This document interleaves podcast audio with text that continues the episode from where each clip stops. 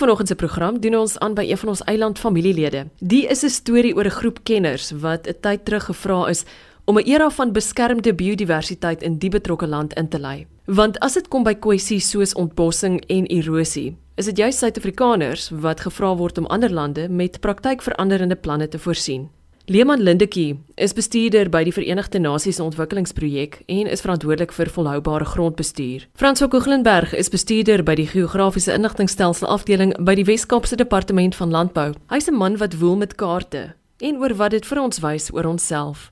Die twee was in 2018 lede van 'n span wat gaan kyk het na grondagteruitgang in Madagaskar en om die land met tegniese ondersteuning te voorsien oor hoe om vlakker spore op moeder aarde se oppervlakte te laat. Geen maklike taak op die vierde grootste eiland op ons planeet nie. So, kom ons gaan nou na die land van die lemer saam met ene Leeman Lindetjie. Beide Suid-Afrika en Madagaskar is ondertekenaars van die VN-konvensie vir die beheer van grondagteruitgang en woestynvorming. Nou as deel van die konvensie het lande onderneem om vrywillig doelwitte daar te stel om grondagteruitgang en woestynvorming teen te werk.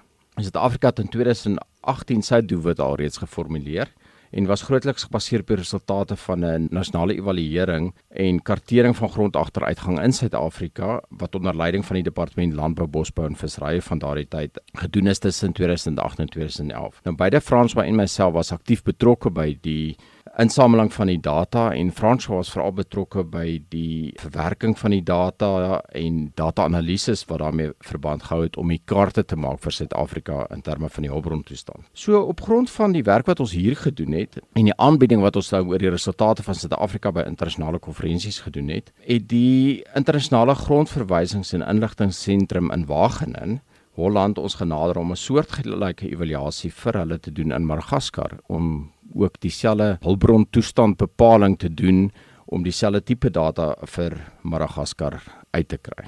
Die betrokkenheid van die samewerking Madagaskar gaan spesifiek rondom die Verenigde Nasies se ontwikkelingsdoelwitte. Ek dink dit is die basis wat wat ons bymekaar uitgebring het en dit gaan spesifiek oor doelwit 15 wat oor volhoubare grondgebruik gaan en die bevordering beskerming van die herstel van volhoubare grondgebruik van globale ekosisteme, die bestuur van woude, voorkoming van woestynvorming en um voorkoming van grondagteruitgang en die verlies van biodiversiteit. En Madagaskar het dan via die internasionale grondverwysing inligtingseentrum Wageningen het hulle 'n projek wat hulle nou ten einde hulle doelwitte daar te stel, het Esrik en Wageningen hulle nou gehelp daarmee en hulle toe Isrik het ons toe weer gekontak en gesê maar in Suid-Afrika julle het die ondervinding julle het dit nou alreeds gedoen kom help ons kom gee vir ons die tegniese opleiding. Hardloop die werkswinkel saam met ons deur laat ons die soortgelyke data vir Margaskar kan kry. So ek dink ten einde die doelwitte van doelwit 15 van die ontwikkelings volhoubare ontwikkelingsdoelwitte na te streef is die basis waarop ons die samewerking gedoen het. Ek kan dan net byvoeg miskien is dat dit is belangrik dat lande mekaar op tegniese gebied uithelp. Net om so kortliks te noem dat die Verenigde Nasies het basies um vier doelwitte. Dit gaan oor wêreldvrede en veiligheid handhaaf, om vriendskaplike betrekkinge tussen nasies te ontwikkel, om saam te werk vir oplossings van internasionale vraagstukke en dan om 'n sentrum van versoening in internasionale gedinge te wees. Maar dit is veral ten opsigte van betrekkinge tussen nasies te ontwikkel en dan die belangrikste om saam te werk vir oplossing van internasionale vraagstukke. Suid-Afrika het 'n groot probleem in terme van grondagteruitgang, maar ek dink Madagaskar het 'n groter probleem. So as ons tegniese kundigheid daaroor het en as ons nou weet hierdie opname en hierdie kartering van die hulpbrontoestand gaan help om uiteindelik doelwitte daar te stel om dit aan te spreek, dink ek is 'n baie positiewe ding en dit is wat dit so lekker gemaak het om saam te werk en dit was wat so lekker was om te weet jy gaan uiteindelik 'n verskil kan maak in terme van wat daar omtrent gedoen word. Om die lyfstaal van 'n land reg te lees, vereis die regte tegniese ondersteuning. Dan het jy ook 'n spesiale wetenskaplike woordeskat nodig om hulpbron agteruitgang te verduidelik. Ons data-insameling is gebaseer op die beginsel van konsensuskartering. Die kundiges van Madagaskar het deur konsensus ooreengekom wat is die werklike toestand van die hulpbron en ons rol was om die proses te fasiliteer met die nodige tegniese ondersteuning om te voorsien in basiskaarte en dan 'n ingeligte evaluasie te kan doen.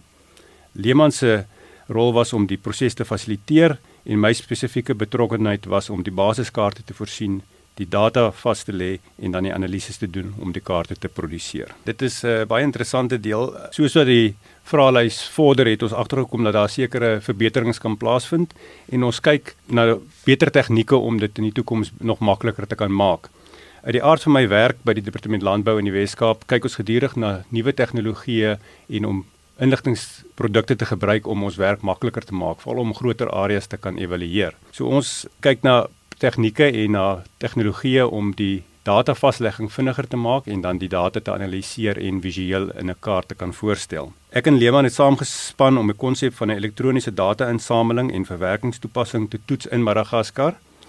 En die gedagte is sodra die kundiges wat die evaluasie van die grondagteruitgang die data inlees, die data in die agtergrond geanaliseer kan word en onmiddellik is 'n kaart visueel voorgestel te kan word.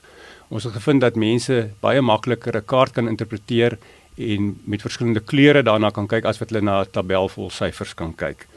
Die doel van hierdie toepassing is om uiteindelik seker te maak dat die data wat ons insamel so akkuraat as moontlik gegee die tekortkominge van die gebruik en die persepsies om die hulpbron toestand te bepaal om die luisteraars net in konteks te stel, ek dink Madagaskar is net so 'n biodivers ekstreme land as wat Suid-Afrika is. Wat belangrik is om te onthou is dat 50% van Madagaskar geklassifiseer as as bosie of kruitagtige veld en baie daarvan kom op steil hellings voor, so in 'n subhumide klimaat.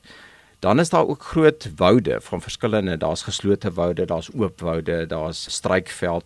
So dis 'n baie divers habitat en in 'n gebied wat 'n redelike hoë reënval het. Die reënval wissel van letterlik omtrent 100 mm per jaar tot 'n gebiede wat oor die 2000 mm per jaar is. So ek dink dis belangrik in terme van konteks net om te verstaan wat daar aangaan. Ek dink die belangrikste resultate wat ons gekry het is dat die daar 'n vernietiging van biodiversiteit en veral van daai woude is een van die grootste probleme. Daar's 'n oorbenutting van die woude. Die woude word al kleiner maar steeds neem nie die vraag na houtagtige produkte neem toe. Baie keer word woude uitgehaal en dan word daar en of huise gebou of daar word bewerkte landery daarvan gemaak en wat dan gebeur is dat die woudgebiede word al hoe kleiner, minder houtprodukte is beskikbaar, maar steeds neem die vraag toe veral na bouprodukte vir huise en sulke goed en die uitvoer van van hout en dit plaas dan druk op die hulpbronne. So die oomblik as 'n hulpbron kleiner word en die mense word meer, dan dan neem die druk toe en dit is wanneer hulpbron agteruitgang gebeur.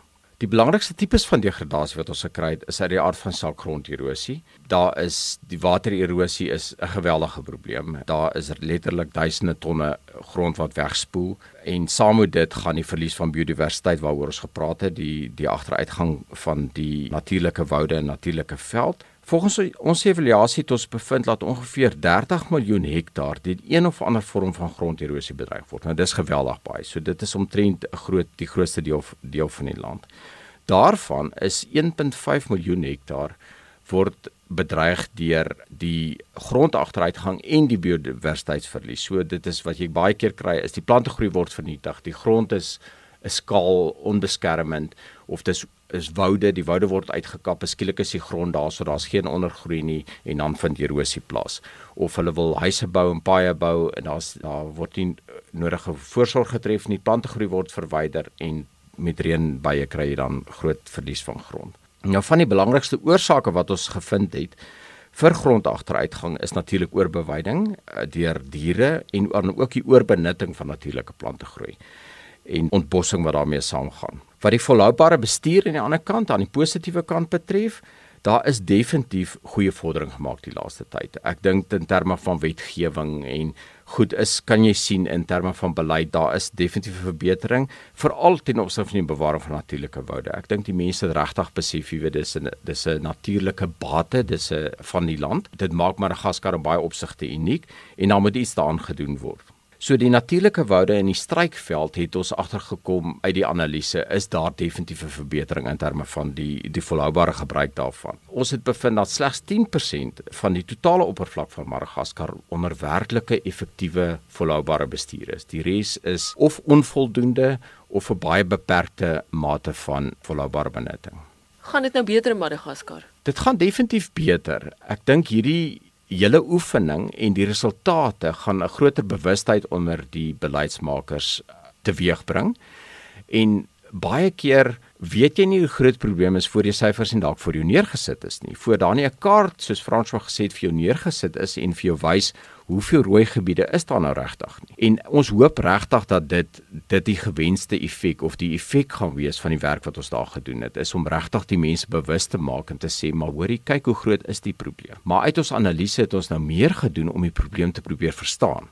Want is een ding om te sê ja, ons weet daar's gronderosie, ons weet die die woude, maar hoekom doen die mense dit? Hoekom hoekom gebeur daar oorbeweiding? Hoekom gebeur daar ontbossing?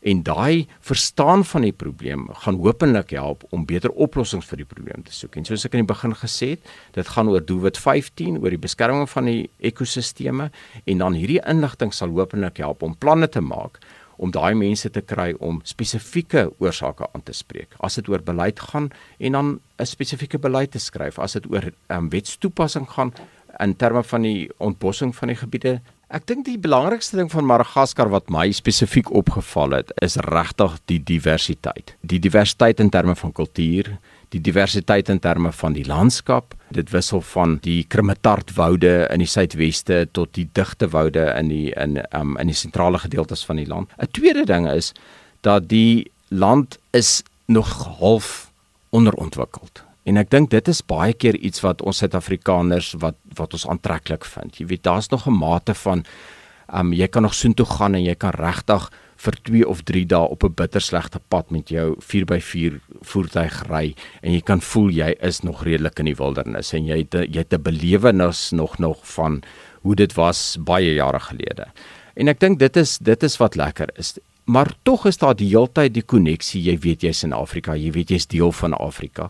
En ek dink dit was vir ons lekker om daar te werk ook. Dit dit dit voel ons ons is almal van Afrika en as jy tegnies 'n bydrae kan maak, dan voel dit soveel beter. Ek wonder tog wat beteken al hierdie goeie werk wat in Madagaskar gedoen is vir my en vir jou hier in Suid-Afrika, buite natuurlik om buurmansliefde te toon. Ek dink die belangrikste is dat die eerste ding is dat Suid-Afrika het goeie vordering in baie opsigte gemaak in terme van die bestuur van ons natuurlike hulpbronne en in Afrika is ons in baie opsigte wêreldleier. So wat belangrik is vir die man op straat is ons moet nooit vertroue verloor in die land en in die kundigheid van die mense in die land nie. Op verskeie vlakke is daar mense wat regtig 'n baie groot bydrae maak. Ons wil hê dan te verskil op die grond kom. Ons wil uiteindelik hê die natuurlike woude beskerm word sodat die leemspesies beskerm kan word. Ons wil uiteindelik hê die bewerkte landerye moet beskerm word dat volhoubare produksie kan plaasvind want volhoubare produksie gaan beteken dat voedselsekuriteit aangespreek gaan word. So dit is hoe ons die koneksie sien en dit is eintlik hoekom ons hierdie goed bydra. Ons besef dis miskien 'n klein stapie, maar is 'n groot stap in proses na die regte rigting toe. Die werk wat ons doen is nie net een dissipline nie. Ons werk werklik multidissiplinêr ons gebruik geografiese inligtingstelsels, ons gebruik biologie, ons gebruik landboukennis, ons gebruik kennis oor oor ehm um, aardrykskunde, alles en selfs rekenaars en die nuutste tegnologie in satellietbeeldverwerking om 'n idee te vorm van wat gaan aan in ons omgewing. Grond en hulpbron agteruitgang het baie te doen met mense se persepsie van wat gaan aan op sy plaas of wat gaan aan in die land. En met nuwe tegnologie kan ons dit soveel makliker maak. Ons kan baie vinniger sien wat is die werklike omvang en hoe verander dinge en hoe pas die verskillende stelsels bymekaar in. So ek wil regtig vir iemand uitnooi, maak nie saak watter studieveld jy in is nie, daar's 'n rol vir jou om te speel in hierdie tipe studies wat werklik 'n verskil kan maak in die mense se lewens. Dit is altyd belangrik dat ons besef ons werk met mense. En ek dink vir baie lank het tegniese kundigheid binne die landbou was baie vakgedrewe geweest. En mens begin die laaste tyd al hoe meer agterkom dat maak nie saak wat se beste tegnologie jy daar het nie, dit nog steeds aan 'n mens oorgedra word en uiteindelik wil jy hê die grondgebruiker, die boer moet daai tegnologie gebruik.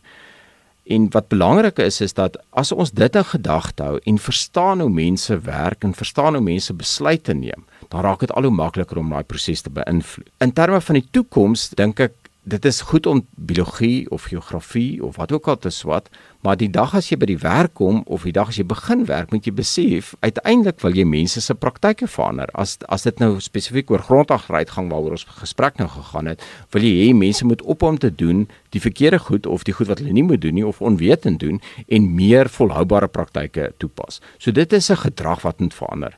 En daai is 'n die integrasie van die menslike komponent en die tegniese komponent in terme van wat om te doen, hoe om dit te doen, waarom om dit te doen, is 'n baie belangrike ding. En dit is iets wat meer en meer belangrik word en selfs binne landbou waarna voorligters en mense kyk om te sê maar hoe kry ons mense hoe kan ons mense kry om hierdie goeders oor tyd te doen hulle eie te maak en daarmee aan te gaan. Leeman Lindekie is bestuurder by die Verenigde Nasies Ontwikkelingsprojek en verantwoordelik vir volhoubare grondbestuur. Frans van Koeglenberg is bestuurder by die Geografiese Inligtingstelsel afdeling by die Wes-Kaapse Departement van Landbou. Die twee bewaringsgesinde breinbokse was onlangs deel van die span wat mense in Madagaskar gaan help het met biodiversiteitsbewaring.